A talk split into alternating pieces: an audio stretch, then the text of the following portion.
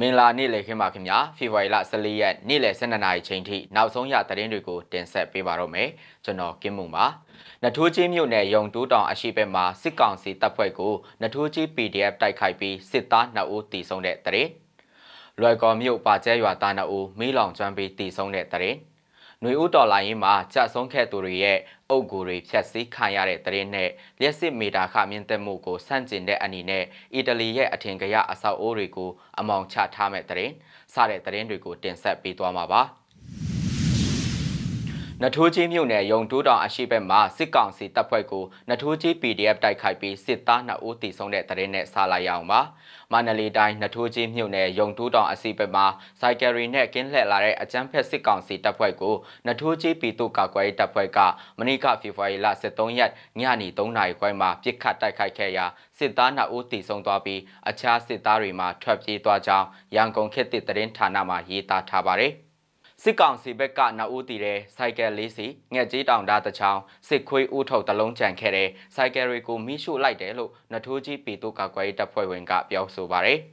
အကြမ်းဖက်စစ်ကောင်စီတပ်ဖွဲ့ဝင်တွေဟာလက်နက်ကြီးနဲ့ပစ်လိုက်ကားလိုက်လုပ်ပြီးပြန်လည်ဆုတ်ခွာနေစဉ်ဒေဆုံးစစ်သားအလောင်းတွေကိုပြန်လည်တည်ဆောင်သွားကြောင်းပြည်သူ့ကာကွယ်ရေးတပ်ဖွဲ့ဝင်တွေအထိခိုက်မရှိခဲ့ကြောင်းသိရှိရပါတယ်ခင်ဗျာ။ လွယ်ကော်မြို့ကပါကျဲရွာသားနှအူမီးလောင်ကျွမ်းပြီးတည်ဆုံးတဲ့တရင်နဲ့ဆက်ချင်ပါတယ်။ကြရကရင်နေပြည်နယ်လွယ်ကော်မြို့နယ်ကပါကျဲရွာအနီးမှာဖေဖော်ဝါရီလ10ရက်ကမီးလောင်ကျွမ်းခံထားရသူနှစ်ယောက်ရဲ့အလုံးကိုတွေ့ရတယ်လို့ဒေတာခန်တွေကပြောပါတယ်။ဖေဖော်ဝါရီ10ရက်ကစံပြ3မိုင်ပါကျဲရွာအနီးဒေတာခန်ကာကွယ်ရေးတပ်ဖွဲ့ PDF နဲ့စစ်ကောင်စီတပ်တို့တနေ့လုံးတိုက်ပွဲဖြစ်ပွားခဲ့ပြီးနောက်အဲ့ဒီနှစ်ယောက်တည်ဆုံးနေတာတွေ့ရတာလို့ဒေတာခန်တို့ကပြောကြောင်း RFA သတင်းမှရေးသားထားပါတယ်။ ဘယ်သူတွေဖြစ်တယ်ဆိုတာကျွန်တော်တို့လည်းမသိတော့ဘူး။နေခံတွေရဲ့ပြောပြချက်အရတက်တီအထောက်အထားတွေအရတော့ဘာကျဲရွာသားတွေပါ။အဲ့ဒီလိုအသေးပြုတ်လို့ရတယ်။ရွာလည်းမြေးရှုတယ်။ပေးမှလို့လည်းမြေးရှုတာပါလို့အဆိုပါဒီတာခန်ကပြောဆိုပါတယ်။မီးလောင်ကျွမ်းနေတဲ့ရုပ်အလုံးမှာစစ်ကောင်စီတပ်ဘက်ကဝက်စုံတွေဝက်ပေးထားတယ်လို့ KNDF ကဖေဖော်ဝါရီလ17ရက်မှာထုတ်ပြန်ထားတယ်လို့ဒေသခံတွေရဲ့အတီးပြုတ်ချက်အရာပါကျဲရွာသားတွေဖြစ်ပြီးဘယ်သူတွေဆိုတာတော့အတိအကျမပြောနိုင်သေးဘူးလို့ဆိုပါတယ်။ ပါကျဲရွာအပါဝင်လွယ်ကော်မြို့နယ်ထက်ကတခြားရွာတွေကဒေသခံတွေလည်းစစ်ဘေးရှောင်နေကြရပြီးတည်ဆုံးသူနှစ်ယောက်ဟာရိတ်ခါပြန်ယူသူဒါမှမဟုတ်မရှောင်တိမ်မဲကြံနေခဲ့သူတွေဖြစ်နိုင်တယ်လို့ဒေသခံတွေကဆိုပါရခင်ဗျာ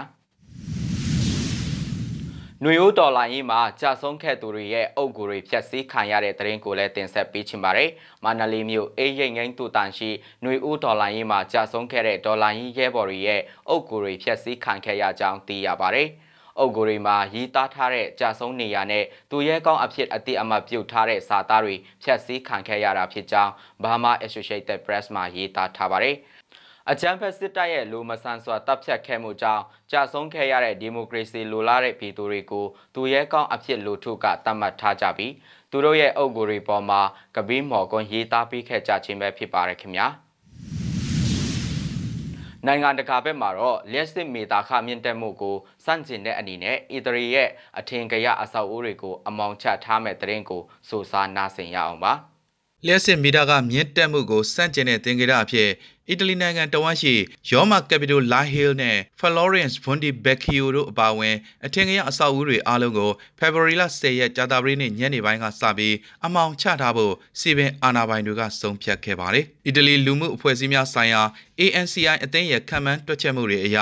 လျှက်စစ်သုံးဆွဲကမြင့်တက်လာမှုကြောင့်ဒေသန္တရအဖွဲ့ခွဲတွေအတွက်ဓာတ်အားကပေးဆောင်ရမယ့်ငွေအနည်းဆုံးယူရိုတန်950ထိတိုးလာမှာဖြစ်ပြီးနှစ်စဉ်လျှက်စစ်ဓာတ်အားအသုံးစရိတ်စုစုပေါင်းယူရို1.6ကနေ1.8ဘီလီယံကြားကျသင့်မှာဖြစ်ပါတယ်။လျှက်စစ်ဓာတ်အားကတိုးမြင့်မှုကကိုရိုနာဗိုင်းရပ်စ်ကြောင့်ဝန်တုပ်ဝန်ပိုးဖြစ်နေတဲ့မိသားစုတွေနဲ့အဖွဲ့အစည်းတွေကိုဆိုးဆိုးဝါးဝါအခက်အခဲဖြစ်စေပါတယ်လို့ရောမမြို့တော်ဝန် ရိုဘာတိုဂါတီယီက